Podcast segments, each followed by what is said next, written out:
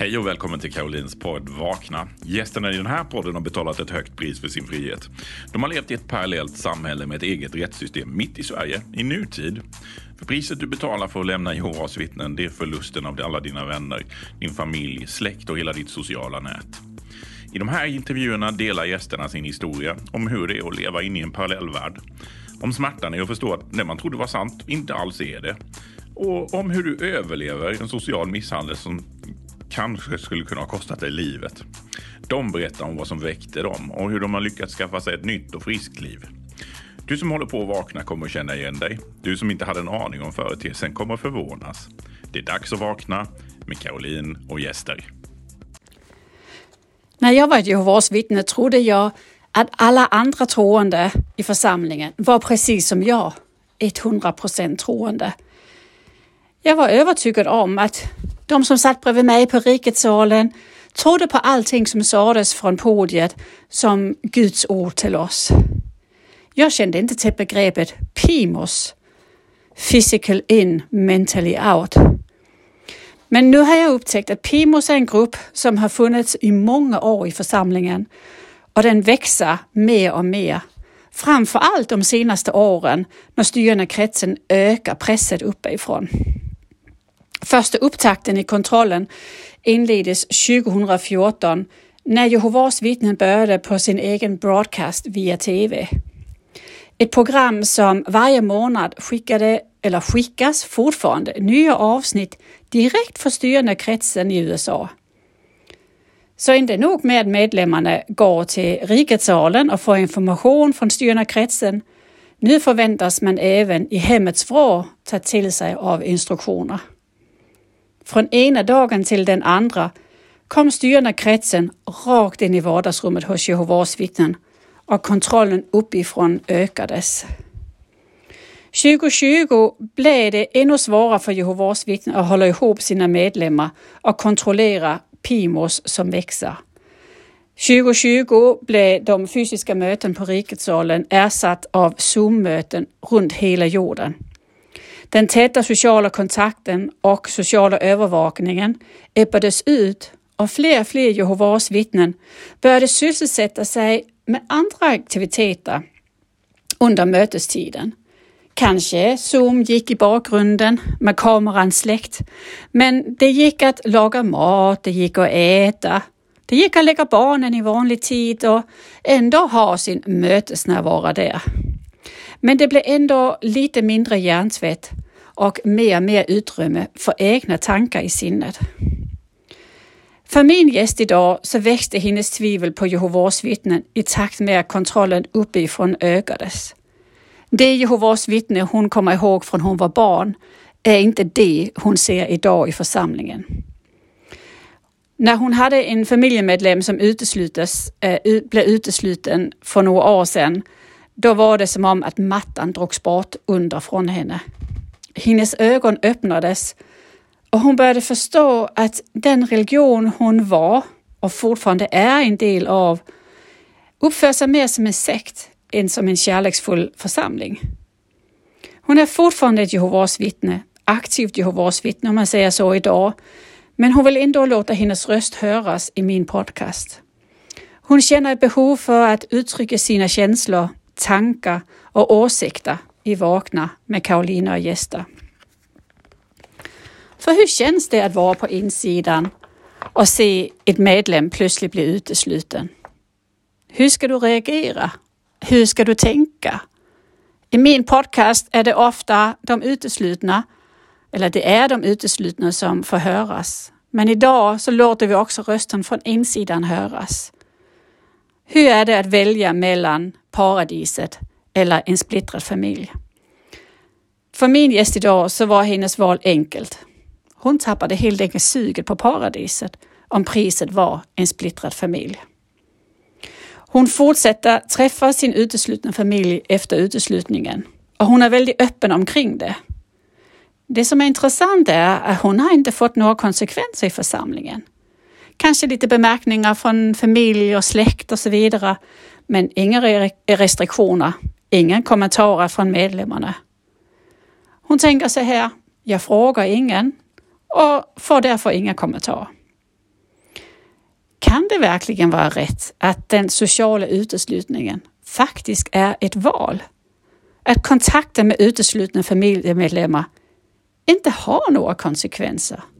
Vi tror att det inte går, men idag har vi gäst i, i studiet som har kontakt med sin uteslutna syster och fortfarande är en del av församlingen.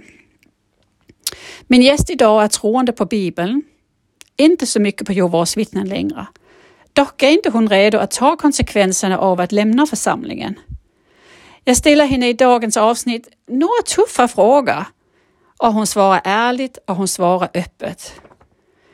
Jag vill idag ge ett varmt och stort välkommen till dagens gäst. Hon är modig, hon är stark, hon vågar att gå emot en ström som är väldigt stark i det slutna samfund hon är del av. Jag säger välkommen till ett nytt avsnitt av Vakna med Karolina och gäster. Idag är ett lite speciellt eh, avsnitt därför vi kommer att göra det på engelska. Det är för att min gäst inte är bekväm med att prata svenska. Och eh, ska hon prata på sitt modersmål så blir det krångligt för lyssnarna. Så därför så kommer vi att göra det på engelska. Dagens gäst är också väldigt speciell för hon är fortfarande ett aktivt Jehovas vittne. Av den anledningen är hon anonym. Så därför kommer jag inte att eh, prata så mycket om vilket land hon kommer ifrån och inte heller med hennes namn och så vidare. Men hon kontaktade mig för att hon kände att det är viktigt att synet inifrån också kommer fram. Hur känns det att vara ett Jehovas vittne? Och hur ser man som ett Jehovas vittne på eh, många av de ämnen som vi diskuterar här i podcasten? Hur, eh, så därför så eh, ville hon vara med och självklart är hon välkommen att vara med. Nu kommer jag gå över till engelska och I want to say welcome to you. Thank you. It's a great pleasure to to have you here. Thank you. Uh, and uh, it's quite a privilege mm. because you're still an active Jehovah's Witness. Well, I am one of Jehovah's Witnesses, but I have to admit that I might have been more active uh, before than I am now. But okay. yes, officially I'm still an active Jehovah's Witnesses. Yes. Yes. Mm. So your family and friends regard you as a Jehovah's Witness. Yes. Yes. Um, and you go to meetings and so on less than before, but okay. I still attend, but not as regularly as I used to. Okay, okay. Mm. So who are you? Well, who I am, am I? I'm a quite ordinary person. I would describe myself. Uh, I had a quite ordinary um, uh, upbringing. I come from a quite conservative family in all respects. Um, I uh, come from a very stable family uh, mother and a father and siblings, both parents working um, more or less full time. Um, I grew up as everybody else with school and friends and hobbies and activities. So I, I can't really say that I am very different from any other child, apart from the fact, of course, that when I was introduced to um, Jehovah's Witnesses, it was through my, my parents, as many others. Um, but I'm not born into it as many others are. Okay. Mm. So, did you have a happy childhood? I, I yes, absolutely. Yes, yeah. uh, I have absolutely n- nothing to blame on my, my childhood at all. Uh, my, my parents, they very quickly understood that I was a person, uh, and I still am a person who needs to have quite free reign, and they gave me free reign to, mm-hmm. as I said before, participate in hobbies, uh, extra school activities, uh, uh, uh, school journeys and travels, friends in school. Um, yes, I, I, would say. How so. how was was your parents active as Jehovah's Witnesses, or were they on the sideline? No, my, my, my father especially was quite active, uh, very active. Uh, not pioneering but ordinary uh, uh, publisher in, in the congregation, and he um, he was an elder too, uh, and uh, regular uh, at the meetings, regular in, in, in the service, and um, yes, and very regular uh, studying with each single one of us when we were children. So yes, my, so you didn't have family study; you have individual study. We had individual study because um, we are three very different siblings, children. So and and there was the, the age gap too, uh, which played a part. And and and my parents believed that it was better that we did it individually, which I agree on because uh, it was, of course, a study, but it was also very much talking about a lot of other things, uh, and it was a way to come close to to my my parents at at, at that point. So, yes, that was mm. how it worked. Yeah. Were you a believing child? I was a child. Yeah. a child is not believing. it's strange because I had guests that said, no, I just fell along. I did what my parents did. And I have other children deeply, deeply believing in um, angels and gods and Jehovah. And it was so, so real for certain children. It's really, really real. Listen, I was, I think I was just an ordinary child. I liked I like coming in the, in the Kingdom Hall. I like coming to the meetings because I like the atmosphere. People were kind. Uh, it was a congregation where there were uh, social activities, mm-hmm. uh, which was very fine. I there were no one my age in the congregation, which was the minus part. Uh, but then I had friends at school instead. But I, I liked the atmosphere. People were kind, and I can't really say that I was a believer. I was a child, and no. You were not a uh, religious child. No. Preaching for all your school friends in order for them to survive Hamageddon. No, I never. No. I, I never ever thought of Hamageddon. Mm. Uh, in fact, it was a part of my whole life till today that I. Uh, I'm not very dramatic as a person, and, and mm. it was a little bit too dramatic this Hamageddon thing, and I, I never really honestly, I always hoped that Hamageddon would never come because I liked life as it was. Mm. Uh, I had I, I, had a good family, as I said, stable, uh, nice friends, uh, a big family on my mother's side especially, and. And I, I think that life was nice as it was. Yeah. So uh, I was not afraid of Hamageddon. I didn't think about it at all. Mm. I like the, the, the idea of the paradise, though. Mm. Uh, the idea that everybody was supposed to or could live in a paradise on earth with peace and everybody being friends. That part I loved. Mm. But the Hamageddon part, I, I What's usually... not to love about that? no, the Hamageddon part I usually skip. I, yeah. I, I did not want to think about it, and I was not something that I really thought about in my everyday life, not at all. Mm. So, how old were you when you got baptized? I was 19. Which is pretty late. Which was pretty late, yes, compared to many others, but I wasn't ready before. And when I think back today, I think about, well, I don't really think I was ready either at that point because, uh, as I said before, I'm, I'm a quite um, carefree person, and I um, I was a little uh, perhaps naive, but I was young and wanted just to live my life. I liked traveling. I liked uh, horseback riding, which was my big passion. Uh, I liked other young people. I liked debating. I liked a lot of things in, in, in life. I, I love life. Mm. I, I still does. Um, so um, I'm not quite sure how mature I was, but I was sure that uh, what I felt in the congregation where I come from, I liked that atmosphere. Mm. What happened to me was that when I moved away from that congregation into another one because I was traveling um, to another country, I discovered that the way that people lived the so called truth was not at all the same in all countries. That was the, the first shock for me. I said, Well, how can it be? You're supposed to be the same. And it wasn't. Uh, and I did not feel that care, that love, that uh, they were not welcoming in the same way as I suppose they, they should be mm. because um, I was a, uh, I was a sister, so why not? Mm. Uh, so, so that was the first. I think of that's something weird here. Yeah. And I remember talking to my father about it, and he was quite shocked too. To see my father, he was very, very clever and intelligent man, and and also very naive too somehow. Uh, because he really believed that paradise and everything was the same in all congregations worldwide, and we told him about that, he was quite surprised and shocked. Oh, that's that's quite surprising. So um, yeah. Well, maybe it's a product of the time when you were not traveling that much and uh, you didn't have social media. Yeah. So your your your your frame of reference was your local area. Yes. And It- so if you were in a loving and nice congregation, yeah. that was your frame of reference. Um, Yes. yes. so you moved abroad. You baptized late, Mm-hmm. and you. So that was 19. You were finished with the school.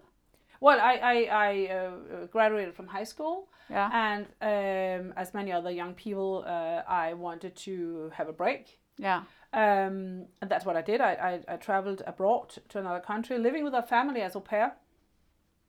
Uh, I, and I arrived to a, a, a family where the woman in the house, she was a sister, but her husband wasn't. Uh, but that was quite a good year, and I learned a lot of language. I learned a lot of things, and uh, yeah. So And you continued as a Jehovah's Witness I with all your emotions and so on. yeah, Yeah.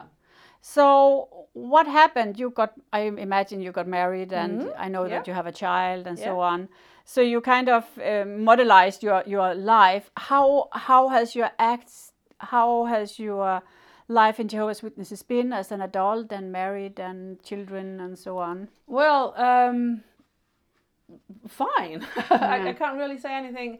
Uh, it was fine. I, I got married, and, and, and the thing is that it was kind. We didn't really think much about it. It, it, it um, my my my husband. He comes from a family where his mother, uh, she was pioneering, had been pioneering for many years, and continued for many years. Um, so it was a so-called very strong spiritual family, as it is called.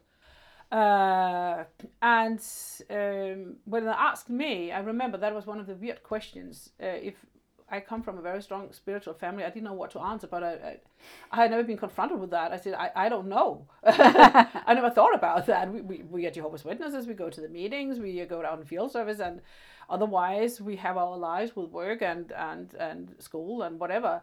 Um, but we got married and um, it, was fine. I mean, we, we, yeah, it was it was it was a, a nice life, but we have never been. My, my husband wasn't pioneering. I wasn't pioneering, so we were not these soldiers. as you, we, we were not warriors. We were regular in everything, but we were not these warriors. Uh, always uh, being auxiliary pioneering or uh, ordinary pioneering or How was that in the congregation? Did you feel different or No, no, not at all. In fact, I, I liked my husband's congregation very much when we when I arrived to that congregation. It was a very um, we have to talk about the time too. We cannot talk about this without talking about the time. We are talking here in the uh, in the eighties, and in the eighties, um, it there was room for debate.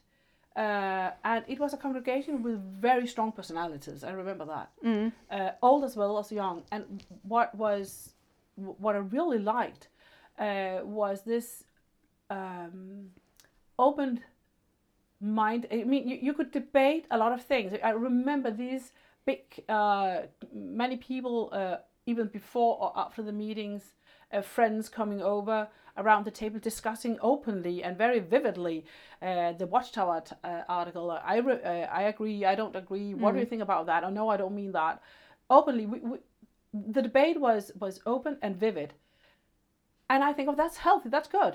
That's I, I was I was. Um, it was kind of confirmation for me that this is the right thing because we are debating, we are talking about things. So that was good.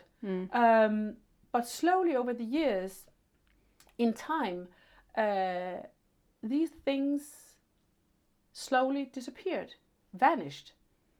Today, there's no debate anymore. There's no people did not uh, people don't feel free to to openly discuss or debate points of views, uh, interpretations. when did you start to see this swift?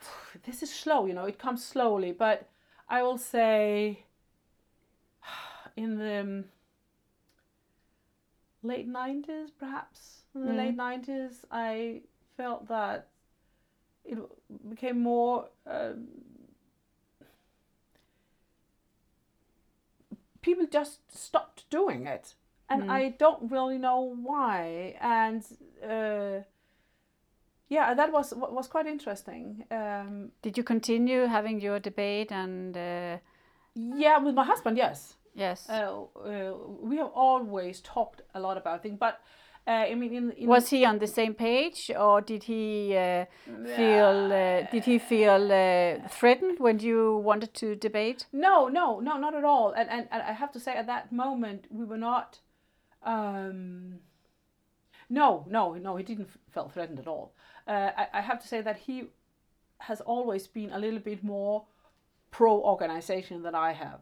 Um, but still not, not threatened. But we, we, we could discuss it. Uh, and uh, for instance, I remember at what point he said to me, "Well, it would be good if you was once in a while auxiliary pioneering." And I said, "Why?" Mm. Oh, yeah, uh, I, I don't feel for it. Uh, that's it. Um, was he auxiliary pioneering he from time? To, no, from time to time. Not, uh, I can't remember uh, if he I don't think wh- why we were married, but I know that before we got married, he tried it. And I have tried it twice uh, while we were married, and it was fine, but I, I know that it was not really something for me. Uh, so I said, I've tried it, it's fine, okay, good. But I, maybe because you were honest, you were not the one putting times on the paper that you haven't done. No, no, no, no, no, no, would never do that. Yeah. And, it, and it is also because my mother in law, she is very she, she would never ever imagine doing that. That's, I mean, she, she was e- even too much on the other side. I mean, she would uh, perhaps uh, not counting her hours while she was uh, driving uh, in her car from one house to another, for yeah, instance. So, she was... so never, never, no, no, I'm not educated like that. Uh, my father never did that either. So no, uh, but that was not the point because for me, it's not about how many hours uh, you you you're reporting. Uh, mm. Uh, it is about why you're doing it. Do you know why you are doing it? At that point, I, I was quite convinced that what we were preaching was was the right thing. We understood the Bible correctly. I was I was convinced at that moment, and I was absolutely convinced that paradise would come, and that was a wonderful message to uh, to share with other people. So uh, yes, so so what what happened? Because you're you are still a Jehovah's Witness, yes. but you're sitting here in my podcast, which indicates that maybe you are not uh, that. Yeah, what happened? What what happened was, as I said before, it is a process which is mm-hmm. slow. And what happened f- first and foremost is that I I discovered this um, lack of debate, this lack of openness mm. that we could not really discuss whether we agreed or not agreed, and at some moment we could not even say that we disagreed with anything. And I thought, okay. Um, at, at one point, I remember some times ago in, in, in, in congregation, I I was at the Watchtower uh, study, and I thought, well, this is more or less like the Communist Soviet Union. You are told what to think, what to say, and how to obey. Yeah. And that's it. But at that moment, I just I, I put it away. You know. Was that before the broadcasting and all that, or was it that after? Was a, that was before the broadcasting. Yeah. That was okay. The, the, the, before the broadcasting, and I, I, but I just okay forgot about it. Many things I have thought about um, now when I think back, but I just forgot about it. You know, mm. I, I, I put it away and I, I said, well, and my my life continued. Um, what changed really? Um, what really started, triggered was that I believe, I think that our articles, especially in the Watchtower articles, has been so simplified now, and to me, very, very, very, very superficial. Uh, and I, there's no depth uh, in the articles anymore. I miss this deep biblical depth in um, in the books, in publications, uh, and, and and in the Watchtower articles. Mm. Um, it is uh, picking out a, a, a, a, passage from the Bible and trying to fit it in. And I said this. Why? Very often I've thought about why do they use this passage from the Bible here? It doesn't fit I can't see the connection. It wasn't clear, but there was no explanation. You cannot ask questions. You, you cannot raise your hands and say, uh, please, anyone here could, could, could explain to me why is this uh, passage from the Bible used here? I don't get it. Or you can, do you, you, you do you think it has something to do with you having a university degree that you have learned to study and that this kind of material is not really is too uh, is too superficial?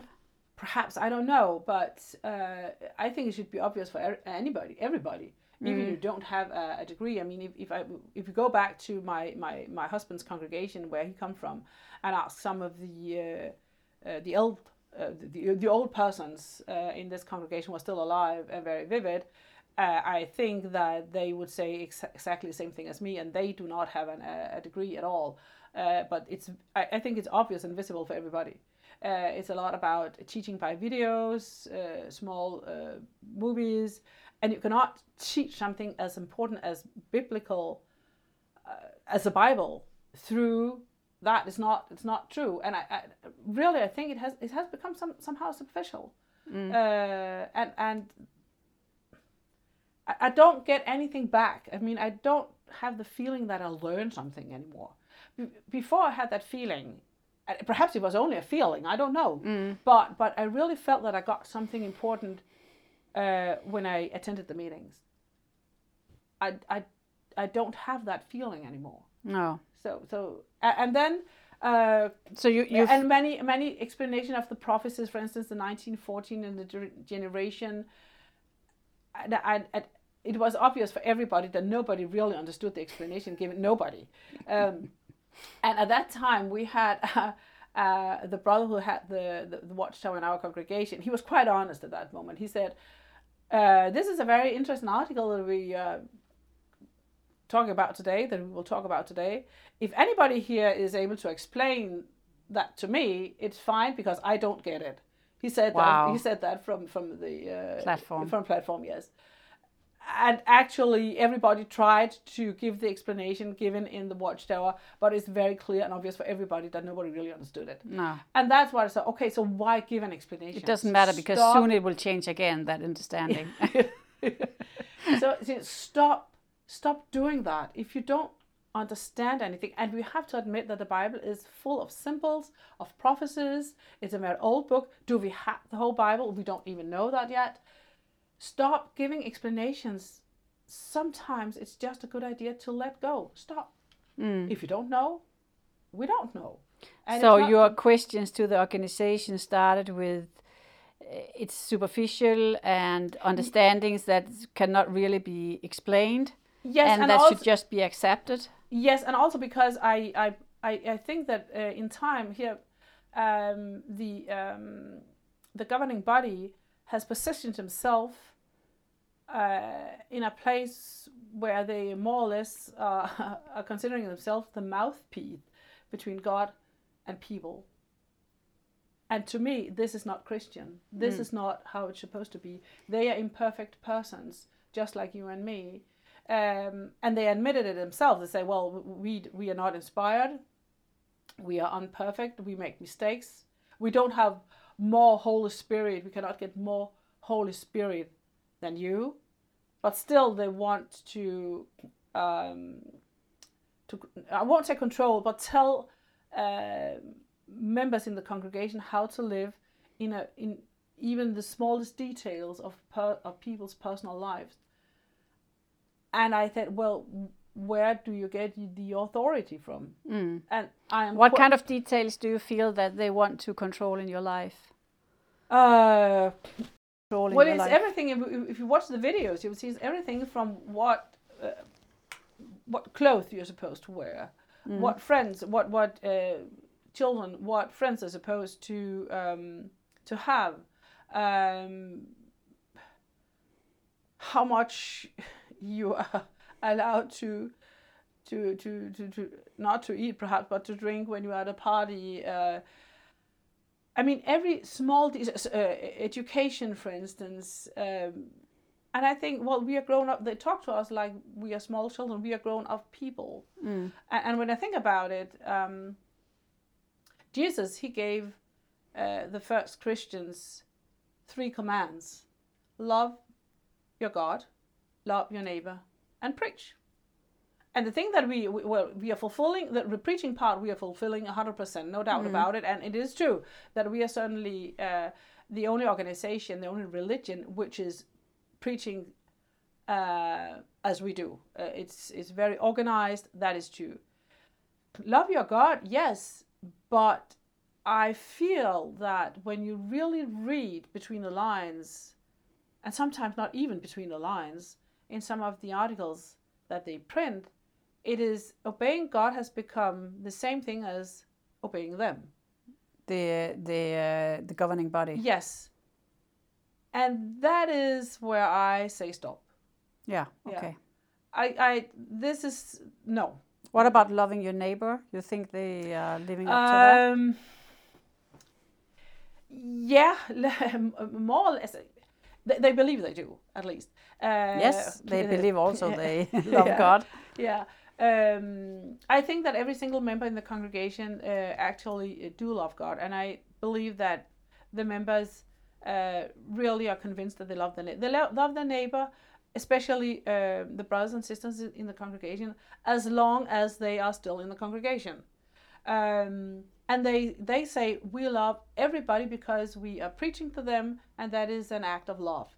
So in in their mindset in in, in in the mindset uh, it is about uh, preaching is an act of love and we can't do anything better for people to uh, spread uh, the gospels and spread the message. Uh, now uh, it, it is also true that uh,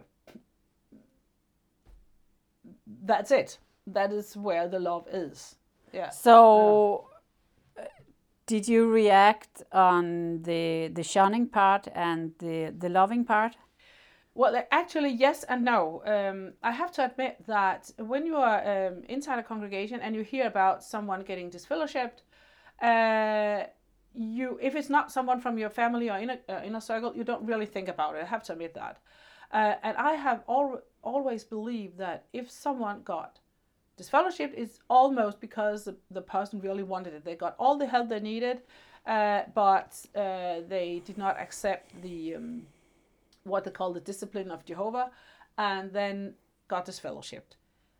I have never ever understood that part to shun people from socially, that they. Uh, I mean, religious uh, disfellowshipping, fine. You cannot go in the field service. You cannot uh, have talks in the meeting. You can perhaps not answering uh, during meetings. That's one thing. But then the other thing is, why do these people do not have the right to uh, uh, be with their family uh, or friends uh, or anything else? And um, and and and that part I I I have never understood that part. Because you have not experienced it. I personally have never been uh, I've never been disfellowshipped, but I have known people who were uh, disfellowshipped, and I have never respected that part of not talking to them. Okay. Uh, I, I uh, several instances uh, in the congregation. uh, I have to say, fortunately, I do not know that many people who have been disfellowshipped, but at several instances in, in the congregation, um, you know, when you, you say hello to everybody and then you arrive to a person that you might not know, and this person make a sign, no, no, you cannot uh, shake my hand. I have never respected that. Mm. Uh, I, I insisted on saying, and I know my husband did exactly the same thing in the congregation, mm. insisting on saying hello because this is not. If you really want people to feel welcome back, at least the least you can do is to shake your hand. Mm. But what I also discovered several times is that Dignify their presence. yeah, but I, what I also noticed sometimes that they don't want to. These persons who are disfellowshipped, they refuse categorically to shake our hands, as though they are afraid. I don't know why, but even if you insist, very often they refuse it, um, which was the first time I, I, I experienced that. I was quite surprised. Um, but then afterwards, I think perhaps they are so afraid of doing it that they are afraid of not being reinstated again. I don't know, but their reaction was quite interesting. I have to say, and and very often if they do come to the meeting, it is because they want to get reinstated. Uh, so there are rules that they have to follow too. Um, because so, people who are who are disfellowship very often are convinced that this is the place to be. Mm. So they are ready to do anything to come back. Yeah. yeah. yeah. And even though if you're not convinced mm. this is the place to be, maybe you miss your family or you need your social network. Absolutely, absolutely, yeah. yes. Uh, so uh, you are sitting here with me, and I am disfellowshipped. Mm. So obviously you have gone one step uh, further, not only shaking hands at the Kingdom Hall. Yes, but I have to say uh, you are not the first person that I am actually interacting with mm. who was disfellowship, and it is because I I I, I never got that. I never understood that. I, I think it's. Uh, it's cruel to do that to another human being, especially when we are talking about young persons. Mm. Um, some years ago, I, uh, I get to know a young woman who lived very far away, and she got disfellowship, and I I decided to write to her every single month, to reach out to her to, to tell her you are so young, what you're going through must be so hard. Mm. And I couldn't really, really, I, I, I didn't really get the whole story, and it was not important to me what went wrong in her life. But I, I wrote in her in, in my letters to her. I said, "Listen, you are such a beautiful, lively, smiling girl. I cannot even imagine why you should be disfellowship, but here you are." Uh, and I just wanted to tell her that I I was there for her. Mm. So I wrote to her every single month until she get reinstated. Yeah. Uh, because I really wanted to to reach out. Yeah. Um, and I have decided to do that. Yeah. At a certain point, I know that you had a, a close family member as well, uh, being disfellowshipped. How did it feel? How did that influence your life and uh, your? How, how how did that influ- uh, affected you? Well, of course, when it's a close member uh, member of your family, it, it is affect you a lot. Uh, first of all, it was um, it was like a, an atomic bomb uh, exploding in our family because first of all, we never believed that it would ever happen. Uh, and when we realized that this was true, we had to cope with it. And uh, and here we are talking first of all, we are talking a lot of feelings. A lot of feelings are coming up. Uh, it's it's it's a it's a of anger and uh, and why and uh, a, a lot of time is going with all these feelings that you don't know what to do with and you don't really know how to cope with. Um, what what were you angry about? I was angry because uh, this person really had a a very very difficult life, and I was angry at myself for not discovering it, and I was angry at uh, at the person for not reaching out and ask for help. Why did you not tell us? We were so close. Why, why, why? Uh, and then, um, and, and after some time, you just, and I, I couldn't, and I, I, I, I didn't understand the, the situation that the that my family member was in because I'd never been there myself. Um, and I, I really did not understand how isolated you all of a sudden are. And we are talking into the small details of everyday life, like calling a friend for help. You, there's nobody to call, nobody to be there. Uh, you could be in the most difficult situation in your life, nobody is going to show up. Slowly, I discovered what it really meant to be disfellowshipped, what this person, my family member, really went through. And then I started to think, of course, slowly, uh, because I would never ever have imagined that. I, I believed that when you was disfellowshipped and when you are disfellowshipped, you could always, for instance, call any elder in the congregation and they would help you. I was proved wrong. Uh, and, and it shocked me a lot because um, I was told story about, yeah, uh, ex-husband and children or whatever, and this person really needed help and didn't get it, and that shocked me. That that was so. This is a human being. Mm. If my family member is coming so far as to to leave or to get a spell fellowship or to leave uh, uh, uh, the spouse, there is there is a serious reason for that. It is not something that just an idea that just came overnight, Mm. and that nobody really wanted to listen to that, and uh, uh, as uh, it was a cry for help, and nobody apparently really took it seriously. That Could- was a shock. Could you discuss that with someone in your congregation or your family members? Or Uh, could you share your thoughts? Or did you talk to your family member, the disfellowship family member? oh yes, oh yes, we talked a lot. Yeah. uh, we talked a lot and different uh, different opinions uh, and uh, the, the the ideas and the opinions changed as well over time um, from being me being the angry part and not wanted at all to uh, to interact with my uh, with, with this family member to be the one who really wanted to help at a, at a certain point. Um, and in the middle and in the middle uh, my parent uh, my mother who uh, of course uh, extremely sad about the whole situation um, sad about uh, a, a broken family sad about a lot of things it's very understandable. Um, so yes we discussed it a lot. We did not agree um, on what to do and what not to do. And i decided at some point i decided first of all it, it- being angry all the time is very bad for your own health. Mm. so um, so I, I decided stop. Um, there must be something better to do.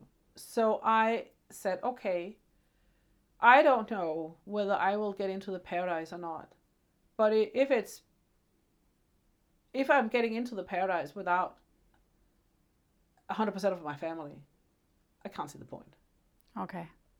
so I said, I have my family right now, right here, alive. Mm. I want to be a part of, of my whole family's life Yeah. uh, now. And So then you- and then it's up to God. I mean, it, it is in the hand of, of God. I, I, I am a believer. I believe in God. It's up to God to decide. That's it. So are you open about the, that you have contact with your family Uh, member? Because now you have contact and Yeah. you Not more or less. With I, I have um, I have friends in the congregation that I that I say that I tell, and and uh, my close family, they know it. They know and what it. do they say? I don't ask them. I I, I- don't But do they not comment it? At the beginning, yes. Now, no. Discipline you, giving you advice? Yes. Oh, yes, yes, yes. Please very- be careful. Yes, yes, yes. A lot, but I ignore it. Yeah. uh, because if they knew me, they would know that you cannot do that to me. Because if I, it's, I, I have the elders talked to you about it? no, never. Do No, the no. elders know that you have Uh, contact yeah, yeah. Some, uh, uh, some does. Okay. Some, uh, some, some of the elders does, and no, never. This Uh, is very interesting for the listeners to, because a lot of listeners are Jehovah's Witnesses or are disfellowshipped and think that a consequence of being disfellowshipped is that you cannot have contact with your family. And in the real world, you are Jehovah's Witness. And you do have contact with your fa- family. And you have not had any restrictions in the congregation. Mm. Now you are not uh, a pioneer mm. and your husband is not an elder. Mm. So maybe that would not have been possible. perhaps, but, But, uh, in reality, actually, if a family member wants to have contact with a disfellowshipped, nothing is really happening. Not to me at least. I, No. I can't say that. I, I think it's it depends on how you uh, cope with the situation, um, because I, I, I don't ask anybody either.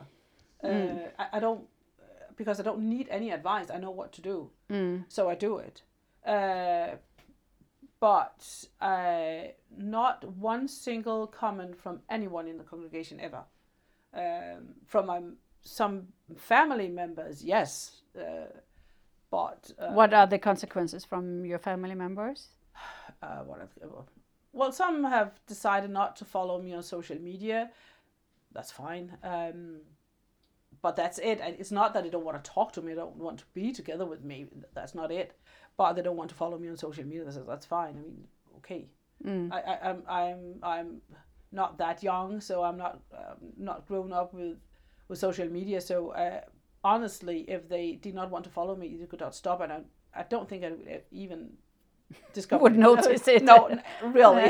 so, so um, it was not necessary to, to write very long letters to me um, explaining to me that uh, it, they they couldn't uh, follow me on social media because I they understood that I had contact, contact with my disfellowship uh, family member, etc., etc. I mean, uh, what's the point if you don't want to follow me? So stop. Mm. But don't write long letters to me about. Uh, uh, and I somehow I feel that they are talking a little bit down to me. It's like they have the authority to discipline me somehow. Yeah. They have no authority at all. I am a grown-up person, and I think I have shown in my life that I am able to take my life uh, uh, to, to to to to to conduct my own life without uh, advice from anybody, and especially not who to talk to and who not to talk to. What's interesting is that uh, th- a lot of Jehovah's Witnesses are afraid of contacting uh, disfellowship. Mm-hmm. They're afraid or to lose their own uh, religion, Mm-hmm. uh, or they're afraid of what could happen if people find out. Yeah. And all this threat is a lion with no teeth because nothing is happening. Well, as I can say, I cannot. I, of course, I cannot talk about what happens. Is that every single con- uh, uh, single congregation is different. To me, nothing, and I believe that. The point is, you have you have to be steady too. If if, if someone asks me, uh, do you have contact with your uh, disfellowshipped uh, family member? I, I, I say yes, of course, I do, Mm. and that's it and and and I uh, honestly they I don't know what should happen because you can't really do anything about it No. you know uh, and if they do something if they restrict you or perhaps even disfellowship you if you I have to ask for the biblical uh, what, what is the uh, the reason in the Bible to do so? I, I, I can't see it. So, um, but I haven't had any consequences at all. So this is interesting because uh, a lot of uh, my guests and listeners, uh, from the day you leave the Jehovah's Witnesses, you have no idea of what is happening in the head of those inside.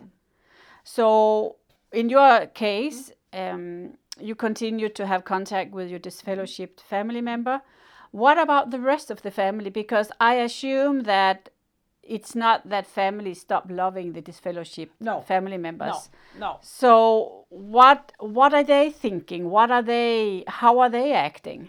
Uh, well, um, I think we, we we are not very many uh, in our in our family to have contact with this uh, disfellowship family member.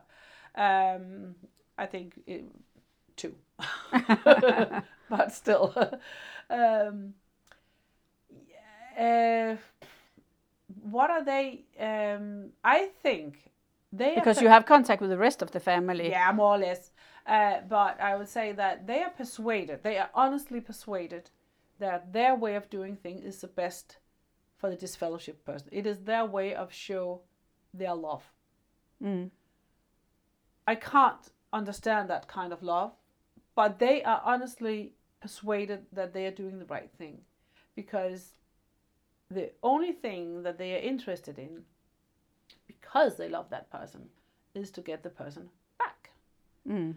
And to them, it is the most important part ever in a life of a disfellowship person is to get back. Mm. Otherwise, they cannot, even in their imagination, um they, they cannot imagine a person being happy. When once you have tried to be one of Jehovah's Witnesses, the life that you live outside must be a, a not very good life. Mm. So, so they, they believe that the best thing you can do is to force the person back, and they are very well aware that the the, the mean to do so is to stop having any contact because the person miss the family so much Mm. that they are ready to do anything to get back. So they're blackmailing her. It's a kind of blackmailing, but it is also quite interesting uh, mindset because if this is true, it means that we believe in always saved, uh, once saved, always saved, as the church say.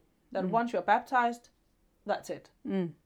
So the only thing is to get back, even though if you don't believe in it, even though if you are not sure, even though if you don't feel comfortable, the thing is to get back. And I think, well, what's the difference then between any of the other churches then? Have you discussed that with the, the um, Jehovah's Witnesses in your family? Not really, no. No. No, no. So Yeah. how do you think do you think it can be changed because you changed? You mean if the organization will change the policy? No, if you with your action can do anything about the environment around you, can you pun- can you influence them? Uh, indirectly, I hope so. Mm. uh, I hope that they see that um, I am not uh, falling apart. My life is not falling apart. And I think what, what somehow I have the impression what that what really surprised them was that I did not stop seeing my disfellowship family member. They believed that if they put pressure on me, I would stop and think and change my way of doing things and I think they are very very surprised. Uh, at, one moment, I know from my son, uh, and he discussed with with other parts of the family, and the other parts of the family said, "Well, yes, but your mother, she she doesn't want to listen.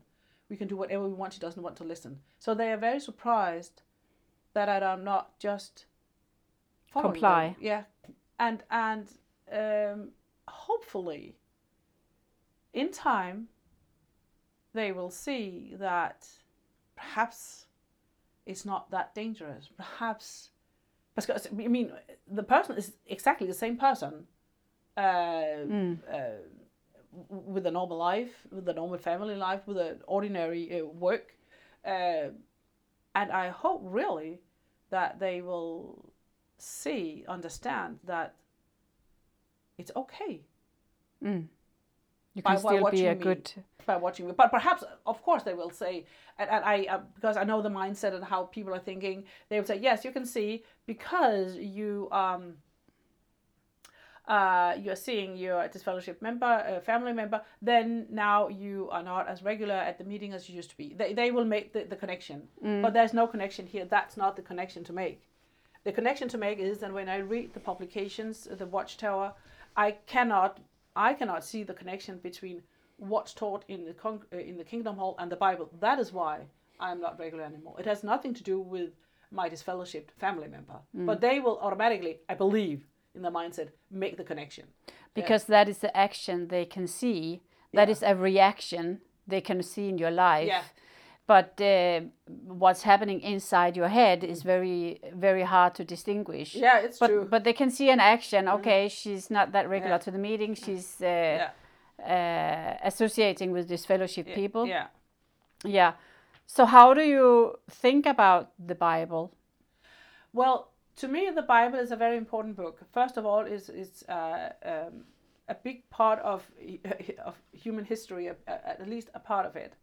Uh, I think it's extremely interesting, um, and the part, of course, that I think is uh, is most useful for us human beings today is uh, the New Testament from the Gospels, especially the Gospels.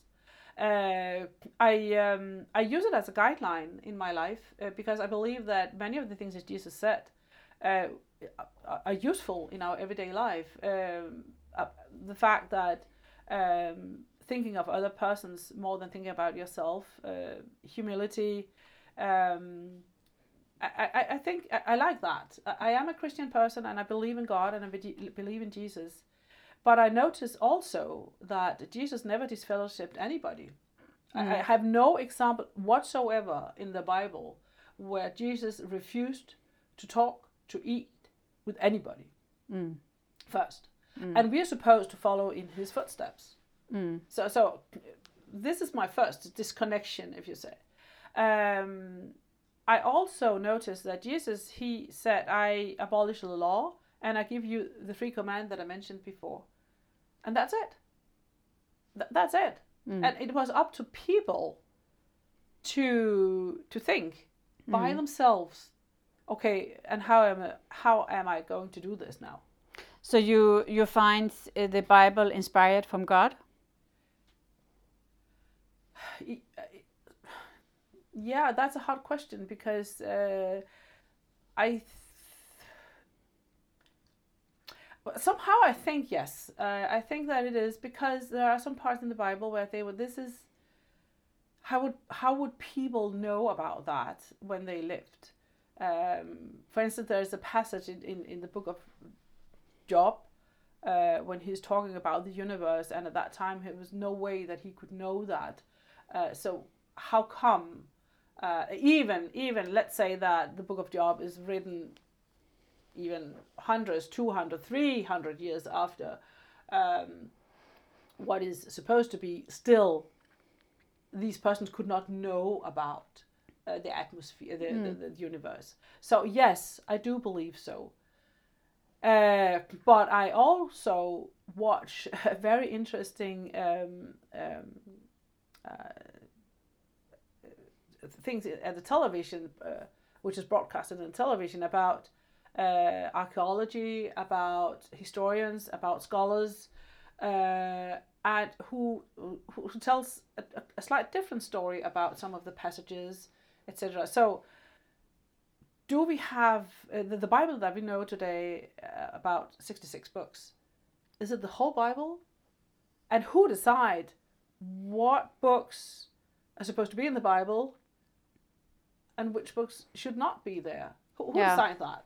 Like in the Old Testament, you have uh, a lot of violent things that uh, yes, uh, is child yes, forbidden. Yes, and um, yeah, absolutely. And that is that is actually one of the questions that I have always always asked myself. It is, how come that a loving God would admit that? I I, I never ever understood that. Mm.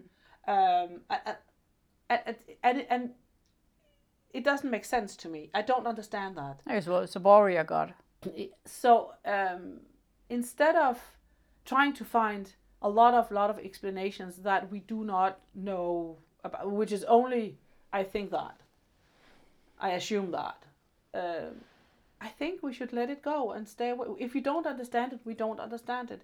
Use the part of the Bible that you do understand, that is uh, tangible, that we can use in our everyday life, such as love God, love your, na- love your neighbor, for instance. Start with that and I believe that if uh, and that was actually one of the things that I always put forward uh, when I went out in field service. Still, uh, this passage uh, where, where Jesus said that love God and love your neighbor, and I said to people, imagine if every single person on earth did that. How would the world look like? And everybody said, Yes, you're right. So let's start there. Mm. It doesn't have to be complicated. It doesn't have to be uh, a lot of other rules and orders and things. So then you can just be in an ordinary church because that's what every church preach. Yes, I, I, I could. Um, so why are you still a Jehovah's Witness? uh, because the thing with Jehovah's Witnesses are that they yeah, differ. It is true. Uh, it is true, but it is also true that before you take such an important step, you really, really have to be sure that this is what you want to do, because, as you said before, the consequences I know them. Uh, and I'm not quite sure that I am ready to face these consequences. Not now, not yet, at least. Uh, so being honest, uh, I'm not. Uh, I'm not 20 years anymore, and um, I have my 100% social acquaintances um, within the congregation of the Jehovah's Witnesses, and it is uh, somehow frightening. Um, and and I all yeah, I, I have to admit too that as long as my parents live, I'm not going to do anything because I don't want to hurt. I, I think it would hurt mm. um, my mother um, if I did anything of that kind. So I, it, it won't happen, at least as long as she is alive. Never. So if anybody asks you, Are you a Jehovah's Witness? What do you answer? Yeah, that I, I that's a very hard one. Um, I say um, I will always be a witness for God. Whether I will always be a part of this organization called Watchtower Tract Bible Society, I'm not quite sure. Mm. Because in that in that moment, people ask you, "Are you a Jehovah's Witness?" and you say, "Yes, I'm a Jehovah's Witness." You stand behind the organization. And reality, you are not standing behind the rea- uh, organization. No, no, I'm not. I, I'm not. I, there, there are more and more things that I cannot, um, that I don't agree with. Um, and that is true. That is true. And it is a tough question. And, and honestly, I don't really know what I would answer if someone asked me that question. Uh, but I think I would answer as I just said to you that it is true that I am actually a member of that organization. I'm not quite sure whether I will stay there forever, but I will always uh, be a Christian person. That is true, yes. So, do you think, do you feel that it's voluntary to be a Jehovah's Witness? Well, I felt that it was to me. Uh, if you go back to my childhood, I, I my, my, my parents never ever once mentioned the word to get baptized. Never.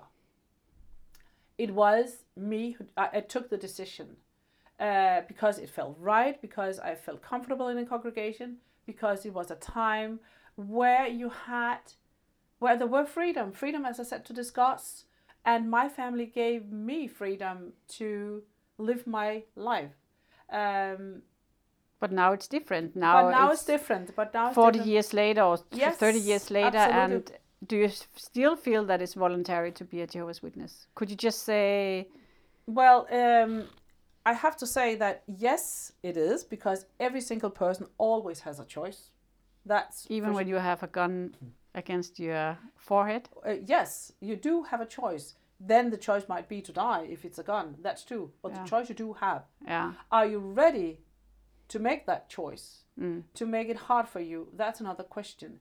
It is also true that many uh, children who grow, uh, grow up um, in a family where the parents are Jehovah's Witnesses, perhaps it it is it is not directly said you must, but implicitly it is what parents expect their children.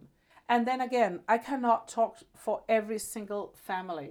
And many families, they really raise their children and saying you have uh, it's your cho- it's your choice. How did you do with your children? Well, um, uh, we have one son, and we always raised him, and we always told him from he was very young, it is your choice, and we meant it. Did he feel that? Uh, we hope that he, yes, because he's not today. Was it an easy choice for him just to say, you know, mom and dad? No, it thank was, but no thank. no, it wasn't and uh, somehow I'm a little bit angry at myself again because we really believe that we had been so clear saying to him, it's your choice. But still, he might have felt some implicit desire for us at that time that he chose to be baptized. I remember that I said to him, uh, I will always respect your choice as long as you're able to give You have a good reason. Give me food for thought. Give me some tangible, thought through reasons why or why not. That's the only thing I asked you. Um, and he um, he followed uh, as everybody else. Uh, he went to the meetings when he was a young, and even uh, he he decided by himself. that surprised me a little when he was 12, he wanted to be um, unbaptized publisher. And I held back. I said, no, no, you're too young for that. So when he was 13, he, we said, okay, if you really want. Um, but very quickly I discovered that that was not what he really wanted. So I, we, we stopped. We had never put any pressure on him. But I believe that he must have felt some pressure anyway because he told us only when he was 19, in fact, that it was not what he wanted to do. and then of course we accepted. We had promised him, so we accepted it. Um, but uh, and I said to him, but and, and on the other hand, I, I know I know myself, I know my husband well enough to know that if he at sixteen uh, had come to us and said, well, I don't want to do that, we would have said, okay, but as long as you live here, you follow the rules of the house, and and, and we would perhaps um, somewhat. Uh, I, I think I would perhaps have forced him to not to go out, out in field service, but perhaps to to uh, to to to attend the meetings. The thing is, which is extremely hard too, that it is published, it is it is uh, publicly announced in the in the congregation, and that is, I think, the hard part, because it is. Was it public? What is announced that he was no longer? No, no, no, no not what I'm aware of at least. Mm.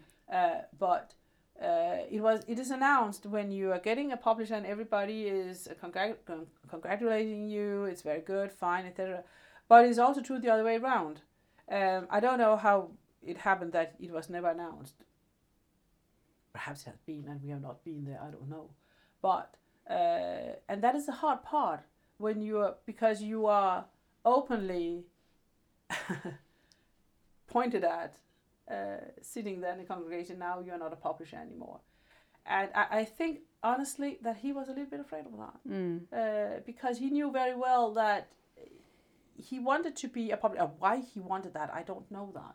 Perhaps well, it's an age where maybe you have some friends, cousins, yeah, yeah, and, and, so and on, and and he saw other young people getting baptized, and asked me what what does it take to get baptized, and said then you first have to be a publisher, etc., etc., and uh, you know, so it, it's a long process.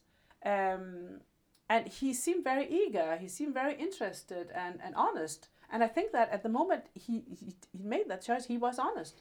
I, I honestly believe that. He was 13. I mean, what yeah, do you know about life and everything when you're 13? Nothing. So, uh, and, and it changed over time. Then he went to high school, etc., and he, he got a new knowledge and, um, mm.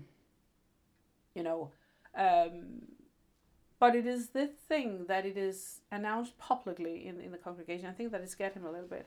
Uh, I think also uh, in the UN Convention for Children, it is said that every children should have the right to choose their own religion mm. or no religion. Mm.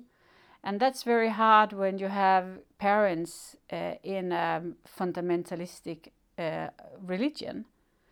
Because you actually, by law, have the right as a child to say, I don't want a religion. But but Jehovah's Witnesses will say, but they do have the right. But yeah. they do have the choice. Yes. Every every yes. parent will say so. The problem is the, the when you're not my my our son never got baptized, you know. Mm. So he just faded away slowly out of the congregation. but the thing is that if once you're baptized, that is where a hard part is when you if you for instance get baptized uh, at let's say 16 or 17, which is very common. Um, and then when you are in the 20s, you discover that you don't really believe it anymore. That is the hard part mm. because you cannot just quit. You cannot just quit and say, well, I made a mistake. I have discovered that it is, I'm not believing in it anymore. But I'm, I'm sure that they, they believe in it when they get baptized but then afterwards, they might discover that they don't believe anymore. And that is the hard part. And that is what frightened many and what make them stay, perhaps. Despite. Mm, obviously. The, despite the fact that they don't believe. Anymore. So you can say the free choice is like what we called rice Christians from the from the dark Middle Age, that uh, the church came and they said, "Do you want to be Christian?" and you can choose to die or you can choose to have rice and come to the church. Mm-hmm. And so they chose to come to the church because then they got the food and they survived. And that was their choice. It was obviously their choice, but it was not a free choice yeah. because it was a choice without options. Yeah. And uh, with children, uh, with their with children and a child born and raised in an environment and all the paradigms coming with that, it is not a choice. As I see it, it is not a free choice. It is unreasonable to make that uh, um, uh, that choice on a child's shoulders. It Yeah, is you, yeah, you yeah. make you you make a responsibility on a child's shoulder. Yeah, you cannot. Now, what what should be that um, uh, first first and foremost, nobody should get baptized before they have reached the age of uh, of eighteen. Uh, I mean, I, I think that's a minimum. I mean, in Sweden, you cannot buy a beer before you're 20. Yeah. Can you imagine? Yeah, and, You cannot even buy a beer. No. So, so I mean, that should be a kind of okay. That must be the minimum wage. Uh, baptizing uh, very young persons, I think, is a crime because they do not. And the problem is that the consequences are so big if they want one day they want to quit. Uh, so it, sh- it should never exist. Uh, that part first of all, because nobody knows anything about how they want to live their life. They don't know anything. They don't know they don't know what, what kind of education they want to take. They don't know anything about their sexuality, for instance. How would you know when you're 13 or 14 even? You, you Some does, perhaps, but You know you like candy yeah. and you like to go bicycling. yeah, for instance, yes. That's exactly what you know. Yeah, but you don't know, you, you know nothing about love. So how is it possible to take such a big um, uh, decision in your life that has such a big impact on 100% of your life when you're that young? So it shouldn't be an option at all uh, to get baptized that young first, I think. Um, and then again, um, I believe that it is uh, honest that you when you decided to get baptized, you really believed that this was the truth. And perhaps you discover sometimes after 10 years after, I don't know, that it isn't it isn't the truth to you anymore. It might be for the others, perhaps not to you. And then it should be okay to to say openly, I'm sorry. I don't believe anymore. To quit and it should have no consequences of uh, friend and family relations. You should be free to go.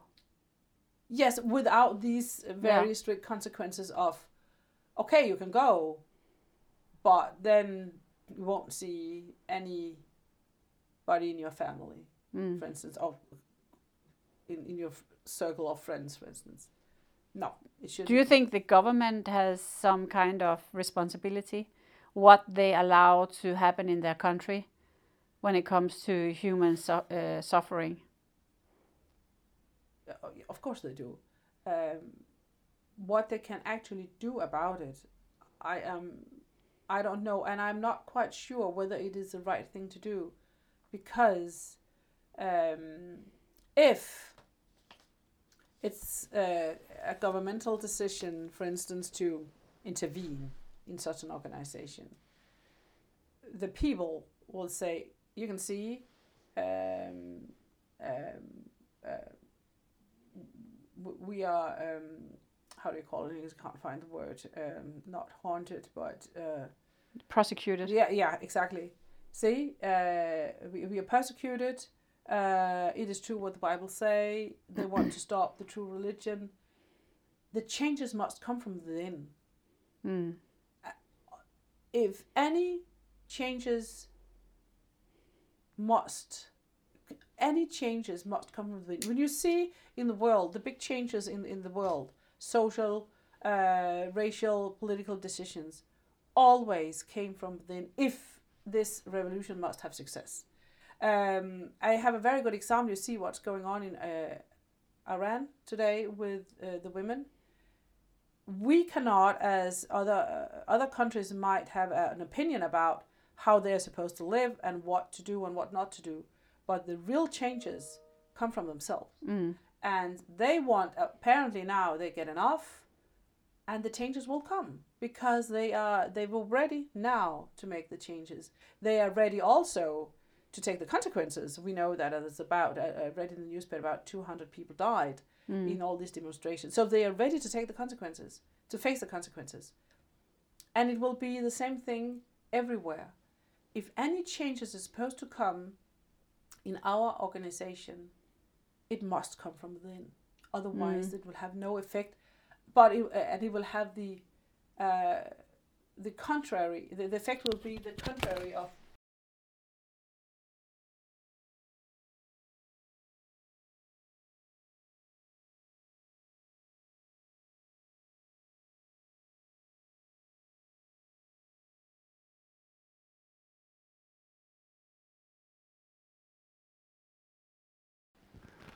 or at least the consequences will be very different from what is uh, they're supposed to be.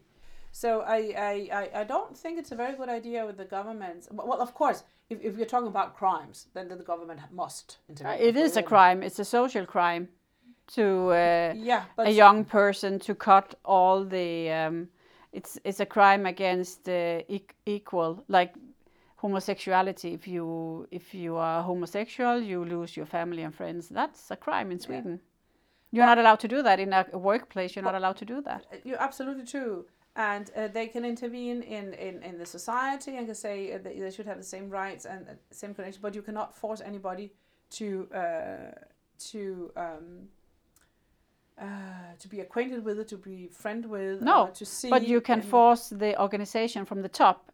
Do not teach this. Yeah. Then people can choose what they want to do yeah. or not. But from the platform, you're not allowed to teach uh, this regarding homosexuality, or if you want to leave the religion, you lose your social yeah. contact. That is true. Mm. The situation is that uh, this organization's headquarters is in the United States, so it must be uh, any uh, governmental uh, intervention from the American uh, government, and are they ready to do so? I don't know. They mm. th- that's that's a question uh, because all the branches worldwide they are uh, um, obeying uh, the branch in the United States. So, uh, so, so it is, you know, uh, a little a little bit more complicated. That is why I say changes must come from within, mm. and and from within they can't do anything. So, it, yeah, that, that's. Do you think Jehovah's Witnesses will exist like if you look 50 years out in the future? I do so, yes, I think. You think? yes, I think, yeah. because it is a very big organization uh, and they uh, and people who are Jehovah's Witnesses are really true believers. Yes, uh, 50 years, yes, I believe, yes.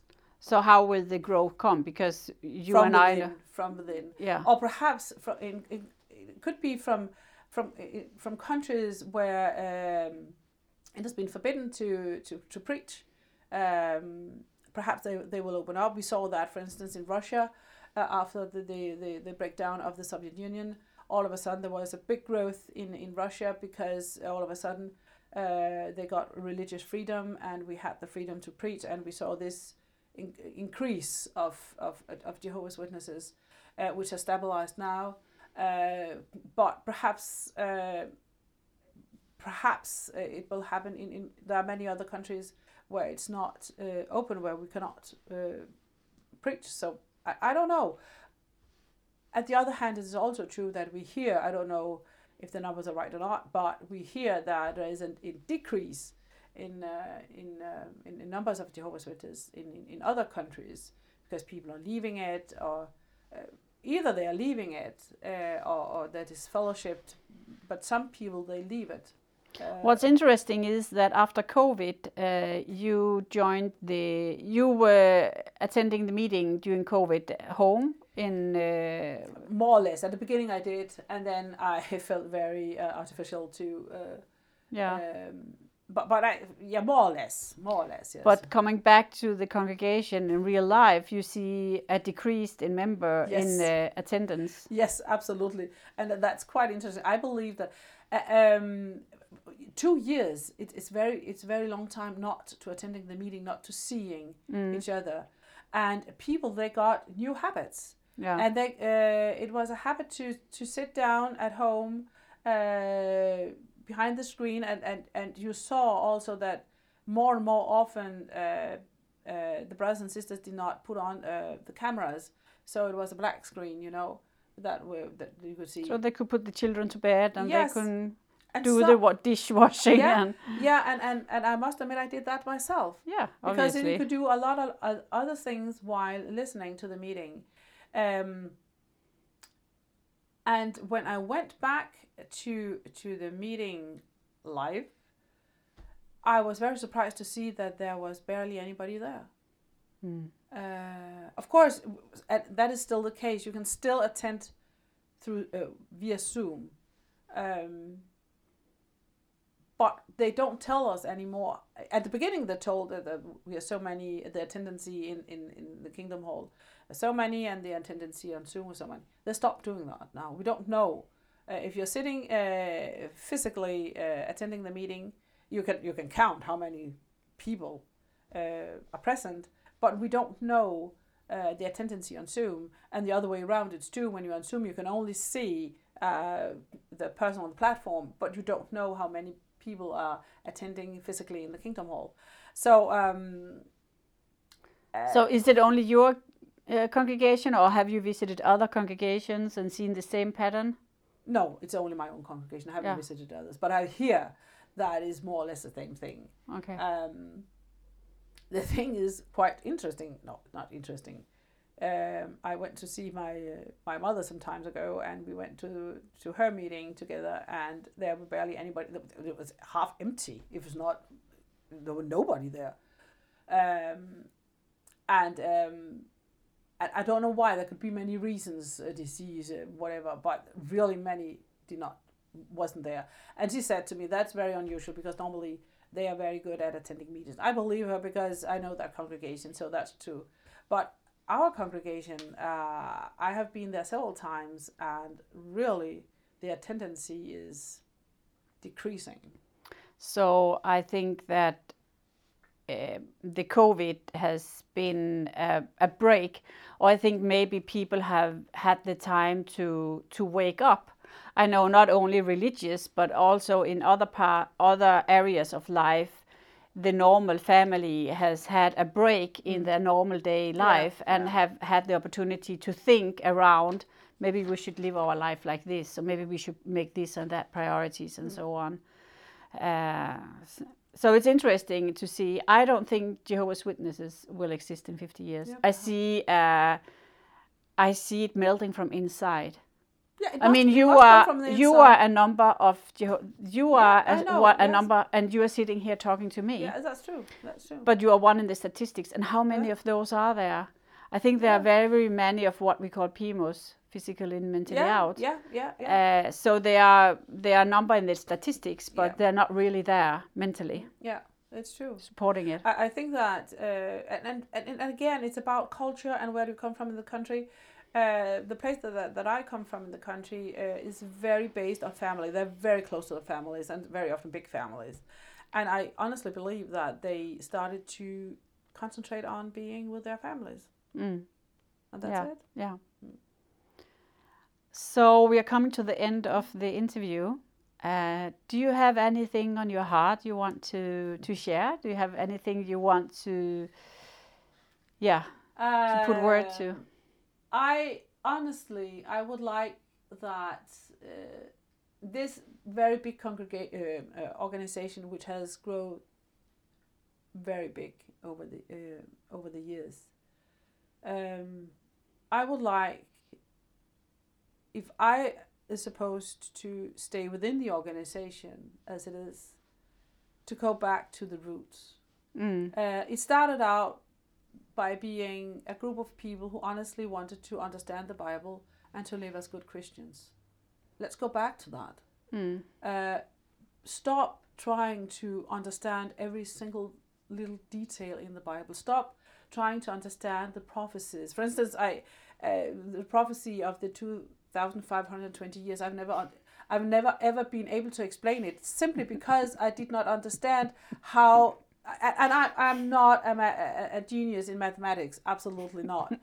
but I have never been able to explain it. And when you're not able to explain it, it's because you don't understand it.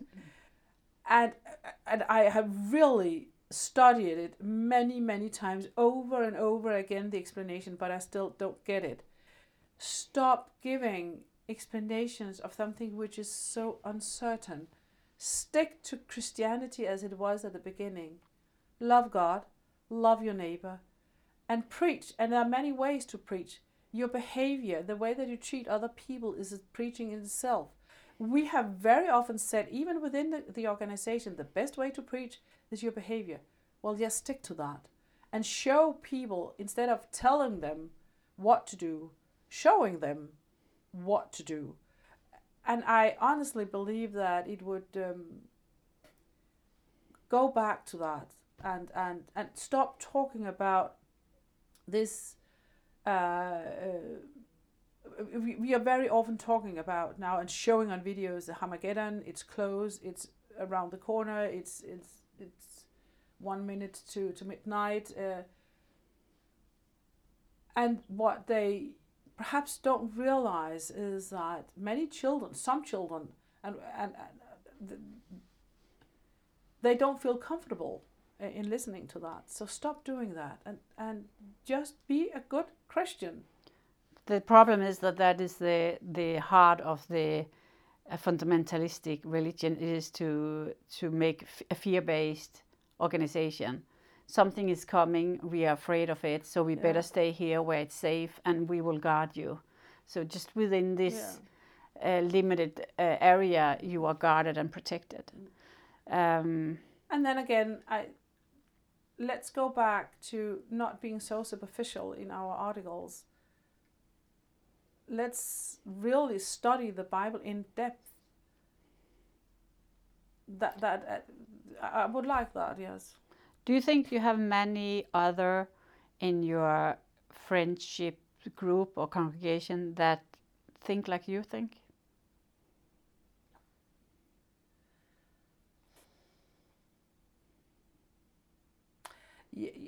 Yes, many, some, yes. Could you have the courage to talk to them about it? Yes, some of them I could.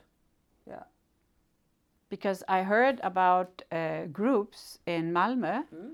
with uh, one of them contacted me um, just to thank for the podcast and saying that he uh, uh, he has a big group of PIMOs in his congregation, and they talk about it, they discuss it. They're Christians, they believe themselves in the Bible, but um, they find the religion now fundamentalistic and yeah. they uh, have hard coping with this narrow limits. Yeah, it's very narrow-minded. So I think a lot. I think yeah. they are more than what you think. It's yeah, just that they they are many are afraid to talk about it. Yes, yes. Because the consequences yes, are too high. Yes, because you don't know how to be received by the uh, by the other person.